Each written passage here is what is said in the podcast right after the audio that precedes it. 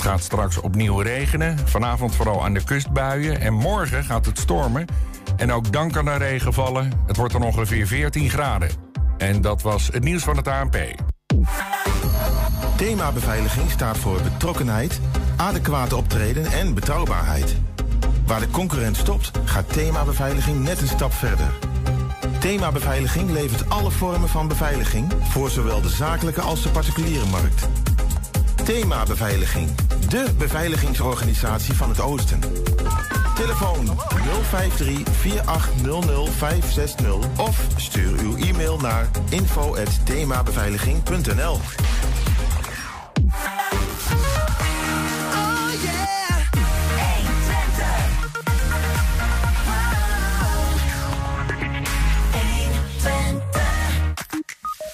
praten met uh, dokter Marcel Garretsen over een bijeenkomst voor en over mantelzorgers in Prismare in Enschede. Ja, we gingen de straat op in Hengelo om mensen te vragen of ze iets te klagen hebben. Leerlingen uit Almelo en Enschede doen mee met het NK Debatteren. Vandaag een voorproefje. En we hebben live muziek van Christian Kuitert.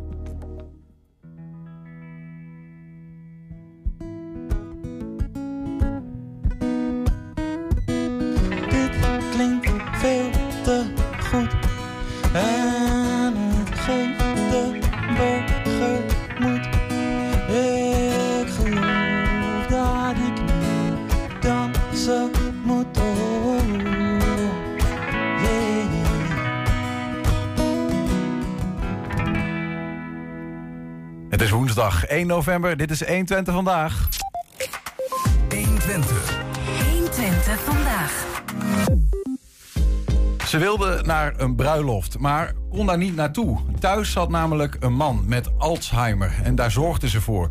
Het verhaal van deze Enschedeze vrouw is een van de vele voorbeelden die onderzoeker Marcel Garretsen heeft, waarbij de druk op mantelzorgers groter is dan die zou moeten zijn en zou kunnen zijn, zegt hij. Want er zijn echt oplossingen. Op 10 november organiseert Garrits een gratis bijeenkomst in Prismare in Enschede... waarin mantelzorgers en betrokkenen uh, advies kunnen krijgen als ze daar zijn. Marcel, goedemiddag. Goedemiddag. Toen wij elkaar even spraken uh, voor dit gesprek, toen, zei, toen vroeg ik je... hoeveel mensen zijn eigenlijk mantelzorger in ons land? Dus zorgen voor een naaste. En toen zei je, nou, je zult schrikken als ik dat tegen je zeg. Ja, want het zijn één op de drie Nederlanders van 18 jaar en ouder. Dus als we dat hebben als we kijken naar Enschede, dan hebben we het over 48.000 mensen die zorgen voor een naaste. En daar moet je bij bedenken dat ongeveer 10% daarvan ook belast of overbelast is. Dus dat is, dat is bijna 4.800, bijna 5.000 Enschedeërs die erg belast zijn. Die met, met zorg in hun ja. hoofd rondlopen. Ja. ja. kop wou ik zeggen, maar dat. Um, je hebt daar onderzoek naar gedaan. Even een rijtje, Marcel Garretsen, wie ben je dan? je werkte als verpleegkundige in de thuiszorg, aan het bed dus. Je werkte als leidinggevende in de thuiszorg. Je werkte als leidinggevende van de leidinggevende. Daarna als indicatiesteller. Je werkte nog voor een zorgverzekeraar. Nog eens 15 jaar als directeur van Stichting Informele Zorg Twente.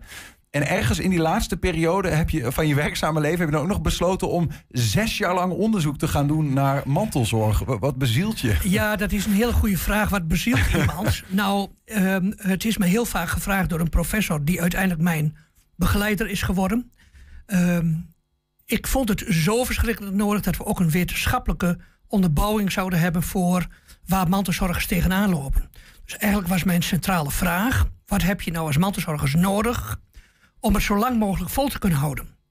En daar heb ik 75 Twentse mantelzorgers voor geïnterviewd. En van al die antwoorden heb ik zeg maar een boekje kunnen samenstellen. Wat denk ik als een soort hulpboek te gebruiken is voor mantelzorgers. En dat komt op 10 november aan de orde. Kijk, dat is een boek waarin, geloof ik, door de bank genomen dan vier thema's uiteindelijk, grote thema's rondom mantelzorg worden besproken, waarvan je er eentje in die bijeenkomst uitlicht. Is het goed om even een mantelzorger voor wie dat, dat is dus gewoon iemand zoals jij en ik, die een naaste hebben, die zorg nodig heeft. En als ik daarvoor zorg, ben ik al een mantelzorger. Ja, maar daar zit een criterium aan. Je wordt dus geacht om dat acht uur in de week of langer te doen. En voor een periode van langer dan drie maanden. Want iemand die zorgt voor zijn kinderen, ja, zorgt ook voor iemand, maar dat is natuurlijk geen mantelzorger. Het gaat om iemand met een beperking. Ja. En als die beperking snel weer opgelost wordt, dan ben je geen mantelzorger. Maar als het langer dan drie maanden duurt en je bent meer dan acht uur per week daarmee bezig, Hmm. ook in je hoofd, hè, want het zijn activiteiten Maar zorgen als werkwoord kennen we ook als um, bijvoorbeeld naamwoord. Dus het je zorgen maken Ja. is ook een vorm van zorgen voor. Ja, precies. Ehm, die, eh, tijdens die bijeenkomst ga je vooral in op het thema faciliteren van mantelzorgers. Hè? Dus Ja. hoe kunnen we die mantelzorgen makkelijker eh, maken? Ja. Eh, en, dat, en dat doe je eigenlijk aan de hand van vier stappen, heb ik begrepen, die een Ja. mantelzorger zelf eigenlijk doorloopt. Ja, klopt. Ik heb in, in mijn onderzoek een heleboel data verzameld. En vanuit al die gegevens heb ik dus gekeken van welke route loopt nou eigenlijk iedere mantelzorger. En dat begint bij de vraag, ben ik wel mantelzorger? Want de meeste mensen die zorgen, die zeggen, nou ja, dat ben ik helemaal niet. Dat kleine beetje wat ik doe. Maar als je daar toch heel goed naar kijkt en je kijkt naar de activiteit en het je zorgen maken, betekent dat wel degelijk dat heel veel mensen dat meer dan acht uur in de week en langer dan drie maanden doen. Dus die vraag is al in het begin heel belangrijk. Ben ik mantelzorger? Op het moment dat je dat hebt beantwoord, moet je echt naar de volgende vraag: wat betekent het voor mij? Er zijn mensen die het heel fijn vinden om dat te doen, jarenlang. Er zijn mensen die het heel moeilijk vinden, heel zwaar vinden.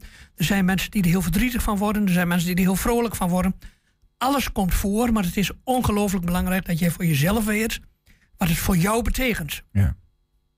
Vervolgens moet je gaan kijken, wat is er dan aan ondersteuning op dit moment voor mij beschikbaar? Waar zou ik het best mee geholpen zijn? En dat is ook weer een scala van, van zaken die, die deze mevrouw, die jij net in het begin noemde, eh, ook door haar hoofd heeft laten gaan. Waar zou zij nou mee geholpen zijn? En de laatste vraag is dan, Maar dat verschilt voor iedereen. dat waar verschilt voor iedereen. en de laatste vraag is, en waar haal ik dat dan? Want als je het hebt over ondersteuning van mantelzorgers, dan zijn gemeenten daar in de wet voor verantwoordelijk. Maar ook zorgverzekeraars hebben, ieder anders, maar hebben dus ook soms zaken opgenomen voor mantelzorgers in hun polis. Ja. Die bijeenkomst die doe je niet voor niks. Omdat je, je gaat in het hele land eh, eigenlijk rond om, eh, dit ja, mantelzorgadvies te verspreiden, om het zo maar te zeggen. Ehm, omdat je dus zelf, en misschien ook wel in je eigen rol als directeur van Informele Zorg Twente, dat gaat over mantelzorgers, ehm, eh, heb gezien dat er wetenschappelijke onderbouwing mist. En die wetenschappelijke onderbouwing heb ik gemaakt. Maar goed, dan heb je een Engelstalige dissertatie van meer dan 300 pagina's. En daarvan dacht ik, dat gaat natuurlijk niet, gaan niet heel erg veel mensen lezen. Dus ik moet dat vertalen in een boekje. En in dat boekje, wat ik zie als hulpboek, eh, die heb ik de titel gegeven. En hoe gaat het eigenlijk met jou? Omdat dat de vraag is die heel veel mensen missen. Het gaat altijd maar over degene die je zorgt. En mensen zeggen, ja, het gaat nooit een keer over mij. Van, het is heel fijn dat iemand een keer vraagt, en hoe is het eigenlijk met jou? Ja, en even als ondertitel, dat vind ik ook wel treffend, een boek voor mantelzorgers. Dus eigenlijk voor iedereen. Ja, dat klopt. Want we hebben een samenleving waarbij steeds meer ehm, mensen geacht worden zelf zorg te geven aan de naaste. Vanwege de steeds mindere beschikbaarheid van professionele zorg. Dat betekent dus steeds meer mantelzorgers. Die ook steeds langer actief zullen zijn en steeds meer moeten gaan doen. Ja, ja, er komen gewoon simpelweg steeds meer mantelzorgers bij. Ja. Maar je hebt dus altijd in je omgeving waarschijnlijk ook met mensen te maken die mantelzorg eh, plegen. Dat klopt. Als ik zeg 1 op de 3, betekent dat wij allemaal mensen kennen die zorgen voor een naaste. Maar die zichzelf misschien niet zo noemen. Of waarvan je denkt, och nou ja, dat, ik weet wel dat hij voor iemand zorgt. Maar god, ik heb me nooit gerealiseerd dat het een mantelzorger is. Hoe moeten we daarmee omgaan als we, als we zelf geen mantelzorger zijn, maar blijkbaar iemand in onze omgeving hebben die dat wel is, als ze het al weten? Nou, vraag eens aan iemand, hoe gaat het eigenlijk met jou? Want de eerste vraag die altijd voor ligt is natuurlijk van... hey, hoe gaat het eigenlijk met je vader, met je moeder, met je partner? Want die is bij de dokter geweest, wat was de uitslag? Is het hetzelfde gebleven? Is het allemaal slechter geworden? Maar het is ook heel fijn om een keer de vraag te krijgen... hoe gaat het eigenlijk met jou? Ja. ja. Die vraag wordt heel vaak vergeten. Nou ja, goed, daar gaat ook dat, dat symposium, zoals we dat noemen, hè, dat is een bij, bijeenkomst op wetenschappelijke gronden, zoals je het kunnen zeggen, Ja. op 10 november in Enschede. Dat gaat heel erg over hoe eh, maken we dit leven van de mantelzorger makkelijker. Ja. Is dat voor de mantelzorger, maar ook voor eh, andere betrokkenen? Nee, ik heb eh, ge- gedacht om het ook voor professionals te doen. En dat doe ik misschien ook nog een keer. Maar dit is echt helemaal bedoeld voor mantelzorgers. Want wat ik graag wil, is hen ook heel concreet aangeven... wat is er in de stad als Enschede beschikbaar als ondersteuningsmogelijkheid. En dan is er heel veel. Alleen het is niet overzichtelijk. En bijna niemand heeft het complete overzicht. Ja. En dat is natuurlijk heel triest. Want die mevrouw die dus niet naar de bruiloft kon... of het feest kon van de familie omdat zij moest mantelzorgen, daar was een prima oplossing voor beschikbaar. Maar als niemand jou op dat spoor brengt, ja, dan betekent in feite dat je dus niet geholpen bent. Maar, maar zij is met die vraag wel naar de gemeente gegaan, toch? Ja, dat klopt. En, en, en heeft daar dus een antwoord gekregen waar ze, wat eigenlijk onterecht, eh, de gemeente had beter moeten zorgen op dat moment. Nou, de gemeente heeft eigenlijk geen antwoord gegeven. En gezegd, ja, daar is eigenlijk niks voor. Terwijl dat wel beschikbaar is. Ja. Wat had ze kunnen doen dan in dit geval? Eh, er is een organisatie in Nederland en die heet Handen in Huis. En in die organisatie bestaat al heel lang. Dat is een hele goede, betrouwbare club. Die zit in Utrecht. Die bestaat al zo lang als ik in dit vak zit. Dat is al meer dan 40 jaar. En die kan zorgen dat er een paar dagen iemand bij jou thuis komt, 24 uur. Waarbij de professionele zorg thuiszorg gewoon doorgaat. Maar in ieder geval is er iemand drie dagen, vier dagen, 24 uur bij jou thuis. Die op kan passen. Waardoor jij zeg maar de gelegenheid hebt om even weg te gaan. Of naar een feest te gaan. Of naar een bruiloft te gaan. eh, noem het maar op. Ja, ja, en ook dat soort eh, heel praktische tips komen eh, aan bod en die Dat komt allemaal aan bod. Waarbij ik zeg, wat zijn die organisaties? Wat doen ze precies? Hoe kan ik ze in de Enschede bereiken? En belangrijk is natuurlijk ook, wat kost het? Want ik ga ervan uit dat het allemaal dingen zijn... die of vergoed worden door de gemeente... of vergoed worden door zorgverzekeraars. Ja. Dus ik kijk niet naar professionele eh, ehm, ehm, aanbieders. Je hebt ook nog eh, een mantelzorger zelf die daar eh, zijn ervaring eh, deelt. Ja, er komt een mantelzorger iets vertellen over zeg maar, het moment waarop hij zijn vrouw naar een verpleeghuis bracht waar hij 7,5 jaar voor gezorgd had. En op een gegeven moment voelde: dit kan ik niet meer langer doen, ik kan haar niet meer geven wat ze nodig heeft.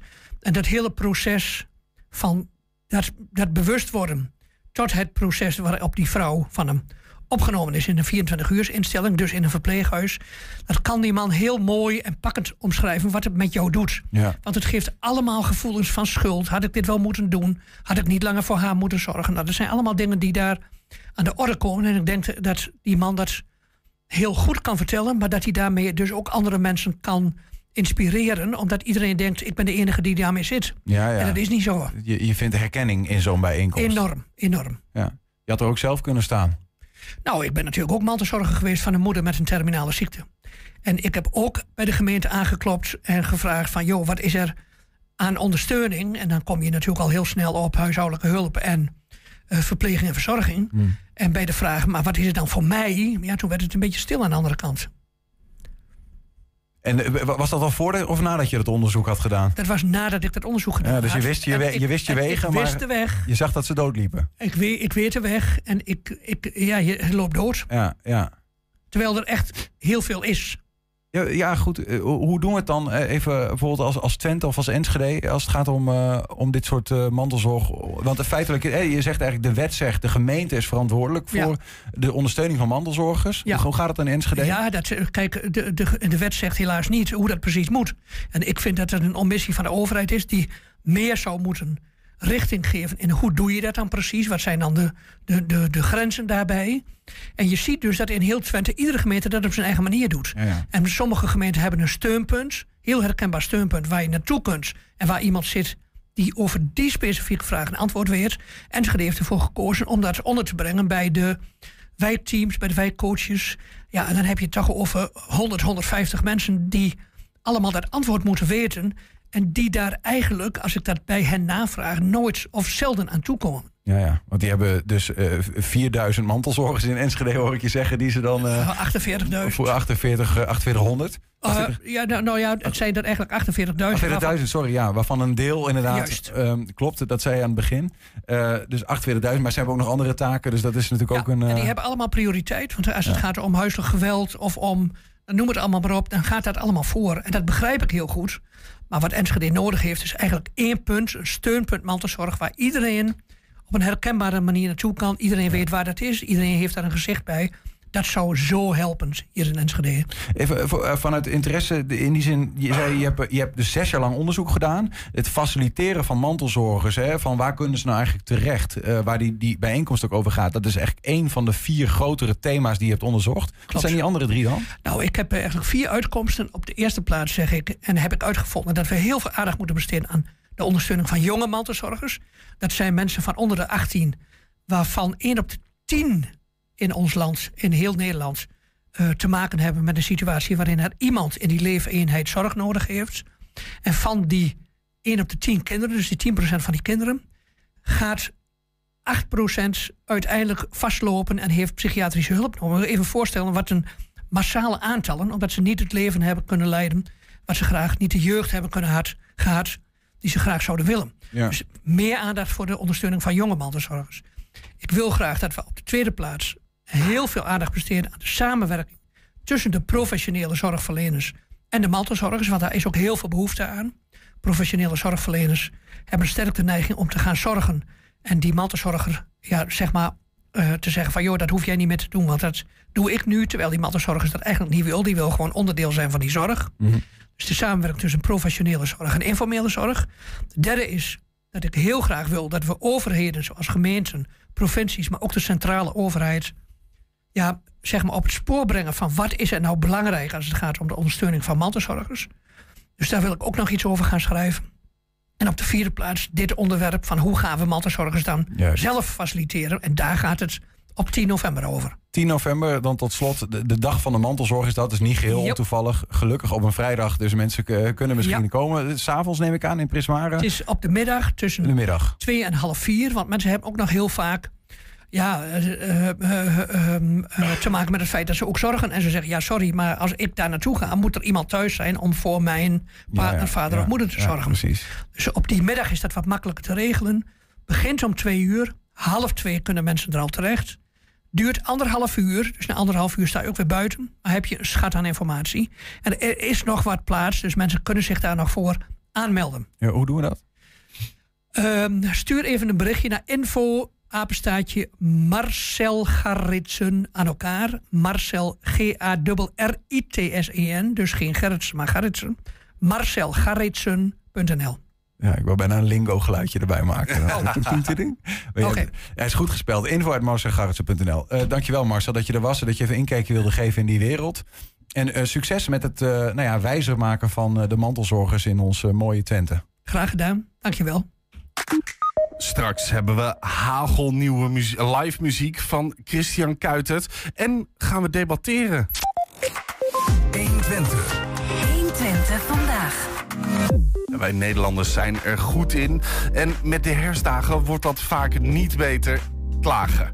Terwijl we toch in een van de meest welvarende landen van de wereld wonen. In Hengelo gingen we de straat op om te vragen of de mensen daar iets te klagen hadden.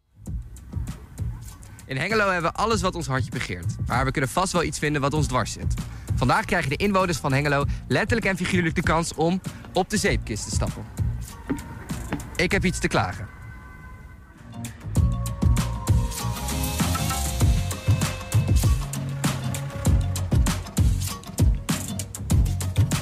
Ik heb iets te klagen. Niet klagen, maar dragen. Hè? nee, ja, er is altijd wel wat te klagen. Maar ik vind het belangrijkste dat je dan voor jezelf naar kijkt van... hé, hey, wat kan ik jezelf aan doen? Dan lost het vaak ook het makkelijkst weer op.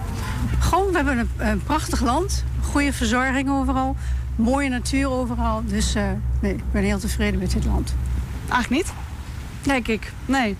Helemaal niks. Ehm, ja, je zou natuurlijk wel persoonlijke dingen kunnen bedenken. Maar ik heb het gevoel dat we het hier allemaal eigenlijk heel goed hebben in Nederland. Dus eh, zoveel te klagen heb ik eigenlijk niet. Nee. Oh, dat de school veel te lang duurt. Ja, ja, ja. We moeten gewoon tot tien over drie vandaag naar school. Ja. Zou je dat nog een keer kunnen herhalen? We moeten tot tien over drie vandaag naar school. We hebben nu wel een tussenuur.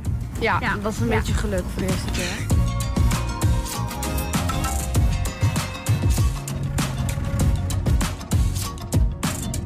Het is een beetje afhankelijk van, van je context. Eh, hoe goed je het ook hebt, mensen willen altijd commentaar leveren op wat. Eh, en af en toe is het natuurlijk gewoon heel schrijnend als je ziet hoe goed we het hier hebben. En dat mensen klagen over de kleinste flauwe kulletjes. Terwijl je ziet wat voor ellende in de wereld is. En dat ja, mensen. De leed van dichtbij is altijd groter dan het leed van ver weg. Het is heel bijzonder. Ik kreeg van mijn dochter een berichtje. Dat zal ik je laten zien. Als je dat krijgt, heb je nooit wat te klagen. Ik vraag Kjeld, mijn kleinzoon, altijd als hij gaat slapen... wat het leukste van de dag was. Met opa voetballen. Dat lijkt me een waanzinnig mooi Dan compliment. heb je toch niks te klagen? Super vet. Bedankt. Elke dag eh, volg ik het nieuws. Nou is het Israël met Palestina, het is Oekraïne. ja. De mensen moesten niet zo boos zijn op elkaar. Wat zouden we wel moeten doen? Lief zijn voor elkaar. Echt, lief zijn voor elkaar. in dit vreselijk rijke land wordt geklaagd en gemopperd over, over zaken die, die, die, die je eigenlijk met veel meer eh, relevantie moet, moet, moet accepteren zoals ze zijn. Misschien de inflatie op het moment. Dat de salaris even lager als dat de inflatie omhoog is gegaan. Dus uh, eigenlijk komt erop neer dat mensen gewoon minder verdienen en minder uit kunnen geven. Nou, je kunt klagen over wat er allemaal met milieu gebeurt. Uh, je kunt klagen over van alles wat er in de oorlog gebeurt... of wat er op school niet goed gaat bij mijn kinderen. En tegelijkertijd denk ik, ja, het is hoe je ermee omgaat. En als dat betekent dat je dan uh, iets gaat veranderen... dan is dat hartstikke mooi. Maar als je het niet kan veranderen, kun je het maar beter accepteren... anders krijg je een heel lastig leven.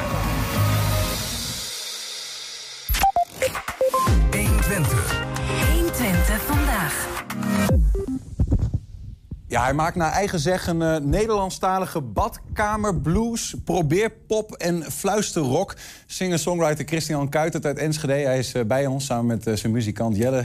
Jesse. Jesse Je, sorry, Jesse bij deze. Goed gerechtgezet. Christian, goedemiddag ook. Leuk dat je er bent. Ja, dankjewel. Um, je, je hebt een, een, een, nieuw nummer, Nooit meer weg. Maar eerst even, voordat we daar naartoe gaan... Nederlandstalige badkamer, blues, probeerpop en fluisterrock. Dat zijn ja, creatieve woorden. Um, ja en nee. nee. maar wat, wat, wat, uh, waar komt het vandaan, die creatieve termen? Nou, ik denk allereerst gewoon om een beetje te laten zien dat we het leuk vinden om met taal te spelen. Um, en uh, verder, ja, dat het dus een beetje in die bluesy, folky uh, pophoek moet zoeken. Badkamer blues, een beetje dat gampje. probeerpop, dus dat het wel leuk klinkt, maar ook wel iets geprobeerd wordt. Al mag ik dat niet meer zeggen van, van Jesse, die vindt het geen probeerpop. Uh, en fluisterrock, ja, we hebben geen drummer, maar we vinden het wel leuk om een beetje uh, met elektrische gitaar in de weer te gaan. Dat, uh, zoals je straks misschien nog wel zult horen. Wat grappig, hè? want ik heb ook, het is ook wel weer rustige muziek hier en daar. Dus het is de ja. gitaar, maar ook. Ja, rustig. variatie vind ik ook wel belangrijk. Dat je niet één soort van specifieke sound hebt en dat je daarbij laat, maar wel gewoon wat leuke verschillende tempo's en, en geluiden. Um, nooit meer weg, waar gaat het over? Nooit meer weg. Uh, nou ja, is wel een actueel nummer. Omdat uh, de verkiezingen komen eraan. Dan wordt hier straks ook uh, heftig uh, gedebatteerd natuurlijk. en dit nummer... Um, ja, ik, ik, kom uit Enschede, maar ik woon in Amsterdam. Dus ik heb een soort van de beide werelden van die scheiding van stad en, en, provincie... wat natuurlijk een groot thema is. Ehm, die begrijpen elkaar niet zo goed. En met dit nummer zing ik vanuit het perspectief van, van een boer... Uh, en uh, dat nummer uh, wil ik natuurlijk dan weer graag spelen voor publiek in, in allerlei randstedelijke culturele evenementen. En dan hopelijk komen die werelden ietsje dichter bij elkaar. Maar ook natuurlijk gewoon lekker hier in Twente. Want okay, dus we gaan, die ook mooi. we gaan straks eigenlijk luisteren naar een muzikale boer, zeg maar. Ja, ja, ja precies. Ja, ja. ja. waar komt dat vandaan? Die maatschappelijke betrokkenheid, zit die vaker in je nummers? Ja, ja, niet altijd hoor. Ik, maar ik vind het wel belangrijk dat er altijd een, een verhaal of een boodschap in zit. Dat, er, dat je uh, meerdere lagen in de teksten zitten, dat ermee gespeeld wordt. Dus dat is wel een constante factor uh, in de nummers. En soms is die wat, uh, wat politieker dan, dan andere keren.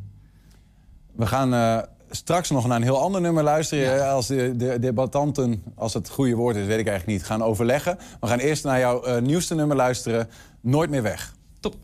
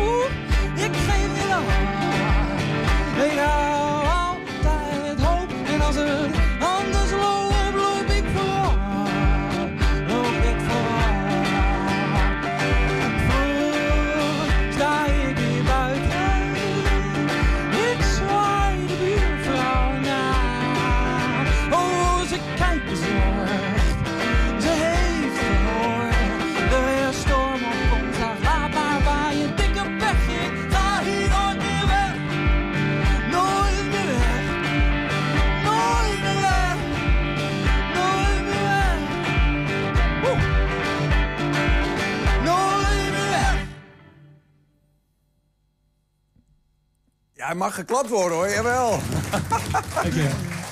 Christian Kuitert, geweldig. Ja, er zit alles in inderdaad. Het is dynamisch. Ehm, straks komt hij nog een keer terug, hè, dus eh, blijf daarvoor ook zeker vooral kijken. Maar ook voor eh, ja, het NK debatteren, dat eh, staat voor de deur. En wat blijkt nou, ehm, Twente is goed vertegenwoordigd. Scholen uit Almelo, eh, Enschede en Hengelo doen, eh, doen mee. Aankomende vrijdag is de eerste echte voorronde. Maar we doen hier vandaag ehm, een soort officieus Twents eh, voorproefje. Eh, bij ons aan tafel vanuit het eh, Almeloze Noordic Lyceum zijn eh, Jaron Lammertink en Shuri de Nijs. Ehm, welkom, beiden. En eh, vanuit het Enschede College Zuid, eh eh Kelly Chow en eh, Daisy Bijwaard. Ja. Je hebt me niet makkelijk gemaakt met die namen trouwens allemaal. jongen, jongen, jongen. Ehm, even een kort rondje. eh, en dan beginnen we even bij jou, Daisy. Eh, gespannen eh, zeg maar, voor, die, voor dat debat eh, zeg maar, wat er aankomt? Of ben je zelfverzekerd? Nou, ik ben nog wel een beetje nerveus hoor, maar ik denk dat het wel goed komt. Ja, hetzelfde. Ik denk wel dat het goed komt. Ja? Oké, oké. ja, het klinkt nog wel een beetje als... Ja, we moeten het allemaal nog maar zien. Jongens? Ja, natuurlijk. Altijd gespannen, maar gezonde spanning moet er ook zijn. Ja, de eerste 15 seconden voor een katheder is wel het meest spannend, zeg maar. Mhm. Maak je wel kennis met een nieuw publiek en dat is een beetje buitenvreemd. Ik moet heel even... Wie is nou Jaron en wie is Shuri? Jaron en Shuri. Anders gaat het verkeerd straks. Eh, de- de- NK debatteren voor scholieren, ik kende dat eigenlijk niet. Eh, doen jullie daar vaker aan mee? Ja, onze school doet er wel elk jaar aan mee. Ja. Dus eh is ook pittig lang al. Maar het is eigenlijk best wel een nieuw concept, want dat debatteren doen we eigenlijk al 26 jaar. Nog maar 26 jaar. Ja, ja. Nou, dat, dat is al best lang. Toen zat ik al wel op school, maar ik kende het niet. Maar, eh, en, en, maar en jullie doen voor de eerste keer als Almeloze... Jullie doen mee- eh, voor de eerste keer mee, Jaron? Eh, nee, vorig jaar hebben we ook al meegedaan. Ja. Eh, ook door de voorrondes gekomen en daarna in de ja, finale, om het zo te zeggen. Dus eh, voor ons de tweede keer, beide. Maar eh, de school doet het al wel iets langer. Ja, precies. Jullie beide de tweede keer. Ja. Maar dan treed je ook op als, eh, du- als, zeg maar als duo, moet ik zeggen, als, samen of niet per se? het is een kwartet. Ja. Oké. Jullie zijn twee leerlingen uit een groep van vier. Ja. Ja, ja. Ja, het is vier tegen vier en dan... eh, Vier tegen vier, ja. Knallen. Ja, ja, ja. Jullie mochten uitverkoren om hier eh, aan tafel te zitten vandaag.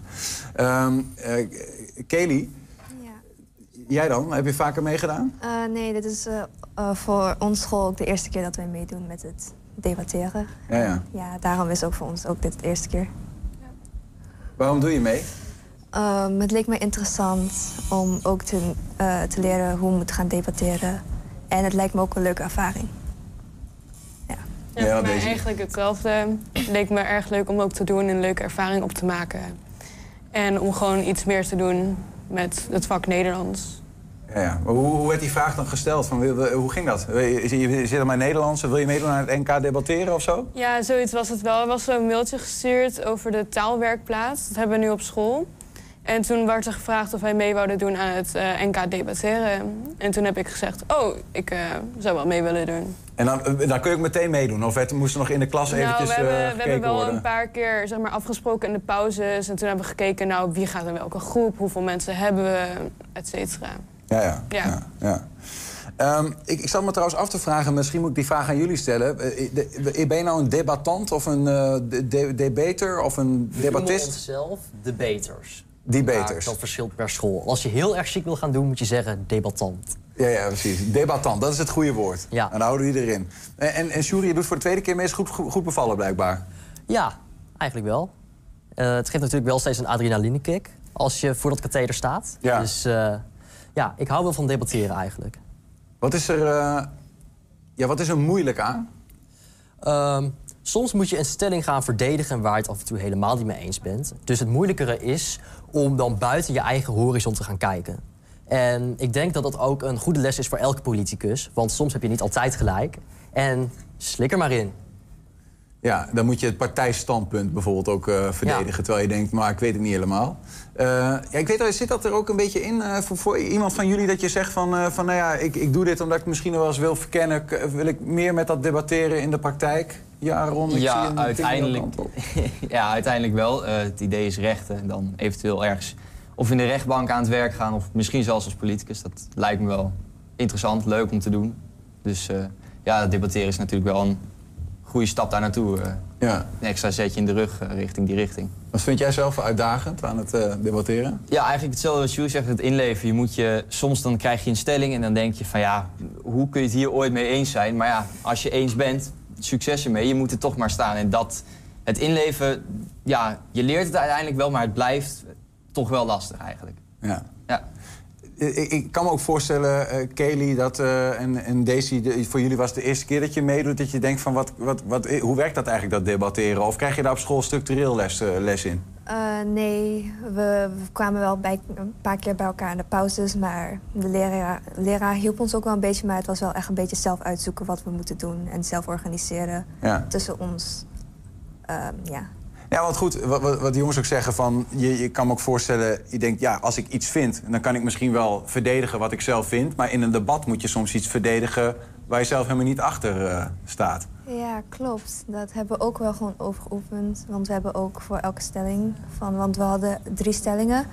En hebben ook samen gediscussieerd, want sommige eh, personen van ons die zijn daarmee eens, maar de anderen zijn het niet mee eens. En zo hebben we ook verschillende pers- perspectieven en dan kunnen we ook meer daarover debatteren. Ja, ja, dat is ook wel handig natuurlijk om een beetje de meningen te, te vinden zoals ze die leven. Want moet je inleven in de tegenpartij? Ik Denk het wel, toch? Ja, eigenlijk wel een beetje, vind ik.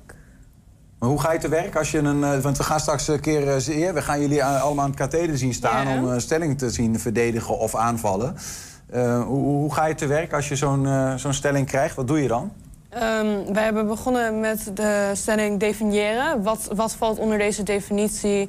En dan zijn we gekeken van wat zijn dan voorde- tegen- voorargumenten voor deze stelling... en wat zijn dan tegenargumenten en hoe zou je die kunnen weerleggen. En toen hebben, we- ja, toen hebben we eigenlijk ook een beetje een debat gehouden. En daardoor leer je wel meer over hoe je het moet doen. Ja. Ja. Eh, Jaron en Shuri, jullie deden al een keer mee. Hoe werkt het precies, zeg maar, in de praktijk? Eh, hoe, gaat, hoe ziet zo'n... Bijvoorbeeld even aankomende vrijdag is de eerste voorronde. Ik weet niet of een van jullie daar al aan meedoet. Ja. Ja, eh, wat, eh, wat, wat gaan we daar bijvoorbeeld zien? Hoe werkt dat? Nou ja, je hebt eh, drie stellingen gekregen. Daarvan worden er twee eh, daadwerkelijk uitgevoerd op die voorronde. Dus eh, ja, twee debatten weet je eigenlijk al een beetje simpelweg wat er gaat komen. Tuurlijk, je weet niet wat de tegenstander gaat zeggen, maar je weet zelf wel wat je wil zeggen. Eh, maar er zijn drie rondes, dus dan mist er nog één. En dat is een eh, improvisatiestelling. Krijg je 20 minuten de tijd. Eh, geen docenten, geen telefoon, geen internet, helemaal niks. Alleen parate kennis. En eh, dan krijg je dus 20 minuten de tijd om dat snel voor te bereiden. En dan weer opnieuw hetzelfde te doen als de twee rondes daarvoor eigenlijk. Ja, ja, ja. En als je dan door die voor... Jullie kwamen de vorige keer door de voorrondes. Ja, en dan? Wat gebeurt er dan, Shuri? De finale. Dan moet je echt tegen de beste en beste. En wij moesten vorig jaar gaan debatteren tegen de kampioen van vorig jaar. En dat was wel iets... eh, ja, dat was niet makkelijk eigenlijk. Dus, eh, maar ja, als je debatteert tegen een hele goede school... Ja. dan leer je natuurlijk ook eh, hun trucjes een beetje. Dus dat helpt je wel op weg. Ja, dan weet je van tevoren ga je al een beetje je tegenstander analyseren van wat doen ze eigenlijk en hoe doen ze het. Ja. Ja. Wie bepaalt er wie er wint? Eh, uiteindelijk de jury. Het wordt volgens mij, als ik het goed heb, op twee of drie dingen wordt er gekeken. Voornamelijk op argumentatie en eh, presentatie. Dus nou ja, wat zeg je? Klopt het wat je zegt? Kun je het goed uit... nou, Klopt het? Kun je goed uitleggen wat je zegt? Ja. En eh, daar wordt op ge- gekeken van, nou, hoe goed doe je dat? Nou, zeg je alleen ik ben voor, ja, dan zal het nul punten zijn. Maar leg je het echt perfect uit, dan zal het alle punten zijn. En daarna wordt, daarnaast wordt er gekeken op presentatie. Die telt, als ik het goed heb, ietsjes minder mee. Maar hoe sta je daar? Sta je daar als een soort van ja, zak hooi, om het zo te zeggen? Of eh, sta je daar als een ware baas eh, echt perfect in de, de achter, zeg maar? Nou ja, en daardoor wordt er door verschillende juryleden gekeken. Nou ja, wie doet het beste? Punten worden opgeteld en wordt gekeken. A- Aan de hand daarvan, nou, wie wint er dan? Ja. Wie won er vorig jaar? Oeh. Utrecht Stedelijk Gymnasium. Ja. Ja, of jullie iets dichter bij elkaar willen gaan zitten. En wie mo- moet zij naar die kant? Oké. Ehm, Utrecht Stedelijk Syn- Dus de, de Utrechters hebben gewonnen? Helaas. Oké, nou, dat moet anders. Dus het is goed dat wij hier vandaag eh, even, even oefenen. Ehm, we gaan het eh, als volgt doen. We hebben een van de stellingen vanuit het NK hebben we, eh, gepakt. Dat is de stelling... asielzoekers moeten bij aankomst in Nederland... direct een werkvergunning krijgen. Nou heb ik begrepen dat jullie in principe zowel voor als tegen kunnen verdedigen. Eh, dus wat we gaan doen is, ik heb een, eh, een, een muntje. In mijn broekzak. Die zal ik, er, eh, zal ik erbij pakken. Als ik hem zo kan vinden tussen alle andere eh, rommel. Daar heb ik hem. En eh, dan, wat mij betreft, meiden, jullie mogen kiezen. Eh, team Enschede, zou, la- laat ik maar zeggen. Eh, kop of munt. En als je, als je wint, dan ben je voor. Oké. Eh, we doen wel kop. Kop, oké. dus dat is eh, in dit geval de adelaar. Ja.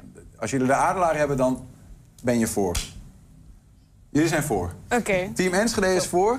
Nou, de- dat betekent eh, dat jullie straks beginnen. Want eh, dat is de volgorde, hè? de eerste voorstander. Ik pak mijn telefoon erbij om eh, nou ja, de tijd bij te houden. Ehm, even kijken, de timer. Zo, die zet ik op één minuut.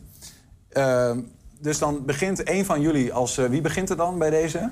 Ik zou beginnen. Deze, jij begint. Ja. Ehm, jij mag wat mij betreft alvast naar het katheder toe lopen. Oké. En eh, daarna gaat eh, een van jullie eh, een minuut als tegenstander, Shuri jij. En dan komt de tegen, voorstander 2, tegenstander 2.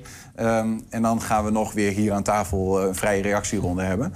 Maar allereerst is het woord aan ehm, Daisy van Team Enschede over de stelling... asielzoekers moeten bij aankomst in Nederland direct een werkvergunning krijgen. Nou, de stelling: asielzoekers moeten als ze in Nederland komen gelijk een. Gelijk een werkvergunning krijgen houdt in dat als een asielzoeker, dus bijvoorbeeld iemand waar ze oorlog hebben in het land of die daar gewoon niet meer kan wonen, die moeten naar Nederland komen om daar verblijf te krijgen. En als ze daar dan zijn, zouden ze dan direct moeten werken. Dat helpt met onze economie.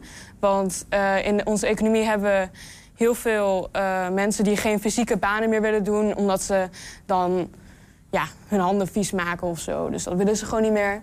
En dan als asielzoekers die banen zouden willen overnemen, zou dat echt geweldig zijn. Want dan helpt het onze economie, dan integreren ze ook beter. En dan. Ja, sorry. En dan integreren ze ook beter. Dus dat is gewoon overal een goed ding dat zou kunnen gebeuren in Nederland. Punt.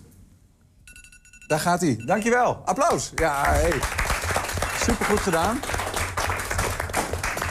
Ehm, en dan is het nu eh, de tijd voor tegenstander 1. En dat is eh Shuri. Ga je gang. Ga staan. Hoe, hoe was het? Spannend? Ja, best wel. Ja? Ja. Nou, je hebt het spits afgebeten. Dat is natuurlijk altijd het moeilijkste. Ehm, dan gaan we nu naar Shuri als eerste tegenstander van de stelling. Mag ik beginnen? Oké, beste mensen. Eh nou, dankjewel voor je speech. Maar er zijn natuurlijk ook nadelen verbonden aan deze stelling. En dat ten eerste is valse hoop. Want het is nog lang niet altijd gegarandeerd dat je in Nederland mag gaan verblijven. En als je dan hier de hele tijd stinkend hard je best zit te doen... je hebt je eerste loonstrook gekregen... en dan heb je het gevoel van... ik mag eindelijk deel uitmaken van het Nederlands project... krijg jij afwijzing. Beste mensen, valse hoop moeten we die mensen niet gunnen. Dat is het eerste nadeel van deze stelling. Vervolgens hebben we te kampen met enorm groot personeelstekort bij het IND. En dat is dus de dienst dat verantwoordelijk is voor eh, de immigratie en de werkvergunningen. Het duurt negen maanden om, zo, om je asielvraag te verduren en zeven weken voor je eh, eh, werkvergunning. Maar het IND heeft al tekort. En die kan niet 34.000 aanvragingen voor werkvergunningen verorberen in, één, in zeven weken. Want personeelstekort. Dus de nadelen zijn dat het simpelweg niet uitvoerbaar is. En dat was hem. Nog even net buiten de lijntjes. Heel goed gedaan, eh Shuri. Eh, je mag alvast gaan staan, eh Kelly. Hoe voelde dit? Je zit natuurlijk ook nog weer bij camera's erbij... maar je, volgens mij voelde je aardig zelfverzekerd. Eh, ja, maar mijn benen die trilden heel erg. Ah, Dus, gelukkig je, staat er een, eh, een witte Ja. plank voor, dat kunnen we niet zien. Fake it till you make it. Ik heb het niet, niet doorgehad, heel goed gedaan. Kelly, ben je er klaar voor? Eh, ja. Als voorstander nummer twee. Nou, beste dames en heren, de speech hiervoor was heel goed gedaan. Alleen, ik heb hier ook ehm tegenargumenten voor. Want een beetje hoop, dat kan toch wel geven. Want ehm, als er toch wel mensen zijn die aangenomen worden voor werk... dan zou het toch onze economie hiervoor verbeteren. Ook al is het niet iedereen, er zou toch wel een kans kunnen komen... dat die persoon dus wel de werkvergunning zou kunnen krijgen. En een ander argument ook ervoor hier is dat, ze, dat de kinderen van deze asielzoekers... die krijgen later dus ook een betere toekomst. Want de ouders met hun werk... die kunnen dus beter voor hun kinderen verzorgen... meer eh, kansen aanbieden aan hun kinderen. Dat ook later de Nederlandse economie misschien zou verbeteren. Een andere punt is ook nog dat. Sorry. Andere punt is ook nog dat de integratie, wat mijn, mijn voorstander hiervoor zei, dat het veel beter zou kunnen. Omdat ze leren ook eh, mensen kennen van de andere culturen, maar ook onze mensen uit Nederland. Hierdoor zouden ze misschien beter vo- voelen in ons land. En daarom zou ehm, asielzoekers in Nederland gelijk een werkvergunning moeten krijgen. Baby. Goed gedaan. Kom, eh, kom weer zitten. Spannend, hè? Ja. Ja, Jaron, je mag alvast eh, die kant op gaan. Ja. Maar, eh, maar hoe voelde het? Heb je gezegd wat je wilde zeggen, denk je? Of, of ben je op dat moment helemaal eh warm hoofd? Ja, een beetje, een beetje leeg hoofd. Ja. maar ik denk dat het wel oké ging. Oké, heel goed. Jaron, ben je er klaar voor? Zeker. Dan eh, gaat de tijd voor jou, tegenstander nummer twee, nu in. Ja, kijk, het lijkt natuurlijk allemaal zo mooi. Asielzoekers die een werkvergunning krijgen. Maar niets is minder waar. Want kijk hoe Nederland erbij nu bij staat. We hebben een enorm probleem met de hoeveelheid asielzoekers die hierheen komen. Natuurlijk moeten we ze niet willen weigeren, maar aantrekkingskracht lijkt me helemaal niet gewenst. Want we zitten al helemaal vol en nog meer wordt nog groter probleem. Want wat zal er gebeuren als je een keuze moet maken tussen verschillende landen? Je hebt een land waarin je niet mag werken, geen geld verdient en eigenlijk niks kunt doen. Of je hebt een land waarin je je eigen centen kan verdienen en zo een makkelijk leven kan opbouwen. Dan kies je natuurlijk voor het land waar je het leven kan opbouwen. Want waarom zou je dat niet doen? Daarnaast zou ik nog even willen reageren, want helaas, er werd gezegd ehm, dat ze eh, een mooi leven konden opbouwen, grote kansen, mooie kansen. Maar die kansen die zijn mogelijk. Het is niet zeker dat je hier blijft, want hoe vervelend is het als je hier werkt? Je hebt hier je geld, je hebt hier je mensen, je kent de mensen, je spreekt de taal en de cultuur ken. En dan krijg je een enorme brief binnen en dan, en dan lees je hem en dan zie je, je mag niet blijven. Dat willen we voorkomen in Nederland en daarom zijn wij hier helaas tegen. Dank u wel. Ik zie je al staan hoor in de rechtbank. ja, hartstikke goed gedaan allemaal. En eh, super knap ook, we zetten jullie enorm voor het blok natuurlijk hier. Nu komt er een ronde, hè. Je, je hebt eh, alle vier een minuut gedaan. En nu komt de vrije reactieronde, zoals ik heb eh, begrepen. Dus eh, voor wie wil, en dan zet ik even mijn tijd op eh, 45 seconden. Eh, die heeft per persoon hier aan tafel eh, gelegenheid om nog even wat dieper in te gaan op wat hij gehoord heeft en daarop te reageren. Zou iemand van het voorteam willen reageren nog? Ehm, ja, je zei dat er geen garantie is, maar toch is het toch ehm, beter om tenminste te proberen. Want de ervaringen dat ze hier ook krijgen, dat is ook nuttig voor hun leven later als ze toch terug moeten. Dus dan zou het toch nog steeds een voordeel voor hen zijn. Dankjewel. Jongens, hebben jullie nog een reactie? Ja, nogmaals, het klinkt hartstikke leuk. Als je mag blijven, natuurlijk, dan heb je al wat opgebouwd. Maar wat we zien is dat heel veel asielzoekers helaas niet mogen blijven. Die moeten weer weg. En dan heb je toch wel hier iets opgebouwd. En dat kun je dan allemaal achter gaan laten. En we gunnen ja, het mensen niet om zoveel dan, ja, pijn te krijgen in, de, in die zin. Om dus weer weggestuurd te worden. We vinden dat niet eerlijk tegenover, eh, tegenover die mensen. Om ze dan heel veel hoop te geven, maar dan op het laatste zeggen: doe toch maar niet. En zeker niet als je dan ook nog eens ziet dat het superveel werk kost. eh, om ze een werkvergunning, om ze aan het werk te krijgen. Het kost al superveel tijd om ze eh, sowieso om te kijken of ze hier mogen blijven. Maar dan ook nog eens erbij kijken, komt er ook nog eens bij kijken dat je moet kijken of ze hier wel mogen werken. Ja, en dat kost gewoon te veel tijd voor ja, te weinig dingen die ja, het goed maken. De voordelen zijn er niet in verhouding met de nadelen. Goed getimed, want het is precies 45 seconden. Ja, eh, echt een prof hoor. Goedemiddag. Ehm, is er nog iemand anders van een van beide teams? Want het, is, eh, het kan, het hoeft niet. Dan eh, eh, gaan we voor nu deze, dit deel van het debat afronden. Want jullie gaan nu overleggen eh, met elkaar. Ik vragen om daar even buiten het zicht van de camera te gaan eh, overleggen met elkaar. Hoe ga je nou reageren op eh, nou wat je hebt gehoord? En dan krijgen we straks van een van jullie het slotpleidooi vanuit jullie team. Yes, dus je mag die kant op gaan. Dan gaan we ondertussen, want hij is nog altijd bij ons, naar Christian Kuitert. Christian, is dat wat? Debatteren trouwens, heb jij dat in je leven wel eens gedaan? Ehm, nee, lekker gewoon eenzijdig eh, dingen publiek. kan, kan het publiek moet alleen maar klappen. dat ik. Ehm, jij zong net je nieuwste nummer, hè? Nooit meer weg. Eh, Even dat perspectief van die, eh, van die boeren... en misschien wel de tegenstellingen, de onbegrip vanuit de, de stad en zo. Ehm, eh, je gaat nu een, een lied zingen genaamd Land. Waar gaat Land, dat over? Uitroepteken. Uitroepteken. Land gaat over eigenlijk jezelf vinden. Dus ehm, het is na jaren op zee. En dus ik wil zeker niet hier een link leggen met het debat hiervoor. Hè, eh, maar na jaren op zee. En je, je hebt eigenlijk, dat is alles wat je kent. En dan kom je opeens een land in zicht. En dan denk je, wow, wacht even. Maar dit ken ik helemaal niet. En wat moet ik? En als je aan land komt eenmaal, dan blijkt het allemaal mee te vallen. Dan is het hartstikke leuk. Ga je gang. Christian Kuitert met Land. Het broeit. Er gaat wat gebeuren. De spanning slaat over, want de stuur het naar het dek geboeid. Trotseert men de regen, zelf maar eens kijken, het klinkt toch te gek. Al jaren op zee, geen enkel idee van steden met grote getalen. Geef ze een kaart van het land, geen stroming maar zand. En ieder zou zeker verdwalen,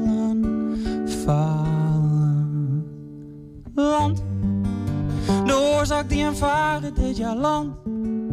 Waar niemand zich een houding weet, oh land. De chaos compleet, land. Wat is hier in godsnaam aan de hand? Bang, dat waren ze zeker. Varend was alles routine en plicht. Een plan, kruidnagel en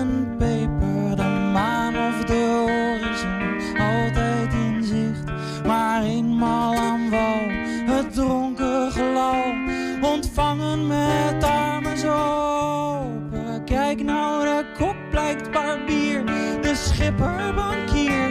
Trots gaan ze op in de parade. Samen vieren ze hun geuzennamen. Oh, land. Heel anders dan was voorgesteld, ja land. De heuvels en het bloemenveld, oh land. De dagen geteld, land. Ontdek een hele nieuwe kant. Ja, de, de, de. Ba, de, da, de, ja, da, de, ja, de. Ba, de, da, de, ja, da, de, da, de. Ba, de, da, de, da, de, da, de, da, de, da, de, da, de, ja, da,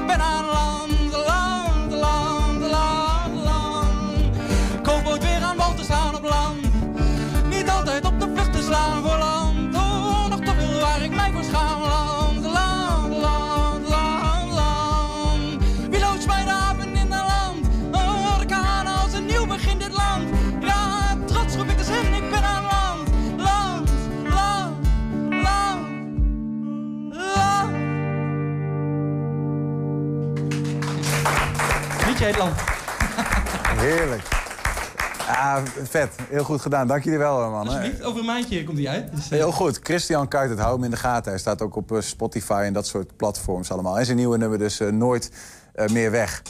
Ehm, ik hoop dat ze ooit weer terugkomen, onze debattanten. Kom maar deze kant op, jongens en meiden. Dus eh, even voor iemand die net inschakelt uit eh, Almelo... aan mijn linkerzijde eh, van het Noordelijk Lyceum... en van College Zuid uit Enschede, de dames aan mijn rechterkant. Ze doen mee met de voorrondes in ieder geval van het NK debatteren. We hopen daar natuurlijk door te komen. En hier in de studio doen wij vandaag een, een soort voorproefje, officieus... Twents tintje, Enschede tegen Almelo. Eh, jullie hebben net allebei een stelling verdedigd. Namelijk asielzoekers moeten bij aankomst in Nederland direct een werkvergunning krijgen. Dames, jullie moesten voor zijn. Heren, jullie moesten tegen zijn. Eh, en nu is het tijd voor het slotpleidooi. Jullie hebben kunnen overleggen. Ja, is er wat, eh, hebben jullie nog wat met elkaar kunnen delen van wat waardevol was? Van, misschien moeten we die er nog ingooien of dat. Wat, hoe gaat zo'n overleg dan, dames? Ehm, ja, we hebben wel besproken van ehm, welke punten wij willen ook overdragen aan de eh, publiek. En we hebben ook besproken zo van hoe we dit kunnen dat doen met in onze speech. Ja. En wie gaat het zo meteen eh, doen, het slotpleidooi? Eh Kelly mag het zo meteen voordragen. Kelly, jij bent het haasje. of heb je er ook zin in? Ehm, ja, het moet wel. Ja, ja, ja, ja, ja, heel goed, heel goed. Ja, je zit nu helemaal in de wedstrijd. Jongens, hoe ging dat aan jullie kant, het overleg? Ja, het was natuurlijk wel een beetje analyseren eerst. Hè. Hoe is de speech van de voorstanders eh, gegeven en wat zijn de punten die je eruit kan gaan halen? En hoe hebben wij daarop gereageerd? Dus het is vooral een analyse van het debat en hoe verdedig je het partijdig eh, aan onze kant. Ja. Dus daar gaat eh, de Wat laatste- hebben ze nou eigenlijk gezegd waar wij nog weer op in willen gaan? Dat ook. Ja, vierde beurt is meestal, of nou, de laatste beurt is een beetje de slotfase. Een beetje eh, samenvatten. Dus nou, niet zozeer meer erop, echt op ingaan, maar meer vertellen van ja, waarom wegen ons, onze punten eh, zwaarder, Zwaarder? dan die van eh, hen. Oké, oké. Wie gaat het bij jullie doen? Ik mag het zijn. Ja, Ron. dus eh, allebei de uiteinden van, de- van de tafel. We beginnen bij slotpleidooi 1. Kelly, je mag eh, gaan staan. Op de daarvoor eh, bekende plek. Achter het katheder. En dan zet ik mijn timer weer, want het is weer... Je hebt één minuut. En normaal is dat langer, hè, geloof ik. Dubbele. Het, het dubbele. Dus we, we, geven jullie, we maken jullie het ja, of makkelijker of juist niet. Dat weet ik eigenlijk niet zo goed. Maar het is iets anders dan normaal. Ben je er klaar voor? Ja. Het slotpleidooi van de voorstanders. Nou, dames en heren, de tegenstanders hebben hele mooie argumenten overgedragen. Maar toch ben ik er nog steeds mee eens dat asielzoekers bij aankomst in Nederland een werkvergunning moeten krijgen. Niet alleen eh, door mij hiervoor genoemde argumenten, maar ook omdat je toch hun een kans geeft om hun dromen hier te volgen. En ook al is het maar een korte tijd en ook al is het niet gegarandeerd dat die droom voor altijd is, nog steeds geef je hun hier een goede ervaring en een kans om hier hun leven ehm, te leven. Ja. En daarom is het belangrijk dat ehm, asielzoekers direct bij aankomst in Nederland een werkvergunning krijgen. Heel goed, kom deze kant op. Eh, Je, je, hebt, je hebt in principe nog tijd over. Ik wil je nog groeten doen eh, aan iemand. Of, eh, dat, mag, dat kan, hè? Je hebt nog 12 seconden. Nee, ik ga hem, ik ga hem dan bij deze stilzetten. Dankjewel, Kelly. Dankjewel, voorstanders. Jaron, aan jou om de stelling nog eenmaal te vermorzelen. We hebben het over de stelling... asielzoekers moeten bij aankomst in Nederland direct een werkvergunning krijgen. Ja, Ga je gang. want als ik dit debat samen, eh, kort samenvat, dan zie ik twee punten. Personeelstekort en valse hoop. En personeelstekort dat zien we voornamelijk bij de IND, oftewel de organisatie die over de asielzoekers gaat. Want zij moeten opeens ook allemaal eh, meer taken doen, namelijk een werkvergunning regelen voor elke asielzoeker die in Nederland binnenkomt. En wij zien dat dat een groot probleem is, aangezien er nu al een personeelstekort is. Dus daar zijn best wel wat nadelen in te vinden. Daarnaast hebben we ook nog een probleem eh, bij. eh, Zo, goedemorgen. Eh, bij, het, eh, oh ja, bij de valse hoop natuurlijk. Bij de valse hoop. Want we willen mensen die hier komen, die stress hebben en ervaren. geen valse hoop geven op een toekomst in Nederland zonder dat we dat kunnen garanderen. Want we kunnen niet zeggen, je blijft hier. We kunnen dat helaas niet doen. En om ze dan hier een leven te laten opbouwen en dan te zeggen, ga toch maar weer weg, dat willen wij ze niet aandoen. En daarom wegen voor ons de nadelen eh, zwaarder dan de voordelen. Dus daarom zijn wij tegen deze stelling. Weer getimed. Ja, ja, ja. Heel goed, eh ja, Ron. Even een hiccup. Eh, Ja, het- Wat gebeurde er in je hoofd? Ja, heel veel tegelijk. eh, kleine kortsluiting. Ja, Hoort ja. er ook bij. Ja, is het een ingewikkelde cognitieve oefening eigenlijk? Of heb je eigenlijk het helemaal uit je hoofd eh, geleerd als je daar staat? Nee, ei- eigenlijk... je zou een slechte debater moeten zijn als je echt alles gescript wilt hebben. Want je wil natuurlijk wel een beetje wat impulsiviteit in het debat hebben. Want dat maakt een debat levendig. Als je het echt voorbereidt, 100%, dan heb je echt een dood debat. Want Maar dat maakt het dus ook weer extra ingewikkeld. Eh, dames, voor jullie ja, de eerste ja, nou, officieuze, maar wel echte. Hoe voelde het voor jou, eh, Daisy? Nou, ik was eh, best wel zenuwachtig. Ehm, ik weet niet of het te merken was, maar ja, ik vond het wel leuk op zich. Maar ik had wel het idee dat ik het niet super geweldig deed. Hmm. Kelly? Ja, het was wel een leerzame ervaring. En ik denk hiervoor dat ook ehm, nuttig zou zijn voor vrijdag. In het. Heel goed. Mo- Moet ik een oordeel vellen? Ik ben toch een beetje de onafhankelijke toehoorder geweest. En ehm, vergeef me dames, maar ik denk toch, hè, de mannen hebben wat meer ervaring. En met pijn in mijn hart, want ik ben een Enschedeer. Maar ik ga toch eh, de winst voor dit, deze officieuze voorronde geven aan Team Almelo. Ehm, maar desalniettemin, ik ben wel echt blij, want ik denk dat dat ook zo is. Dat je hier voor het eerst, en er staan er ook nog camera's bij en weet ik veel wat allemaal... dat je wel even de druk hebt gevoeld. Dus eh, geldt ook voor jou, Daisy, dat je met, eh, met de leerervaring naar vrijdag gaat? Ja, zeker, zeker. Ik wens jullie dan super superveel succes. Eh Daisy Bijwaard, Kelly Chow van, eh, vanuit Enschede. Succes vrijdag. Nou, Zet hem dank op. En eh, heren, ook bedankt, gefeliciteerd. Wil je nog een slotwoord eh, eh, zeggen hier aan tafel als winnaars van deze... Nou, ja, supergoed inderdaad wat jullie hebben gedaan. Precies wat, eh, wat er is gezegd. En ook heel veel succes eh, vrijdag dan. Goed debat. Misschien Mooi. tot de finale.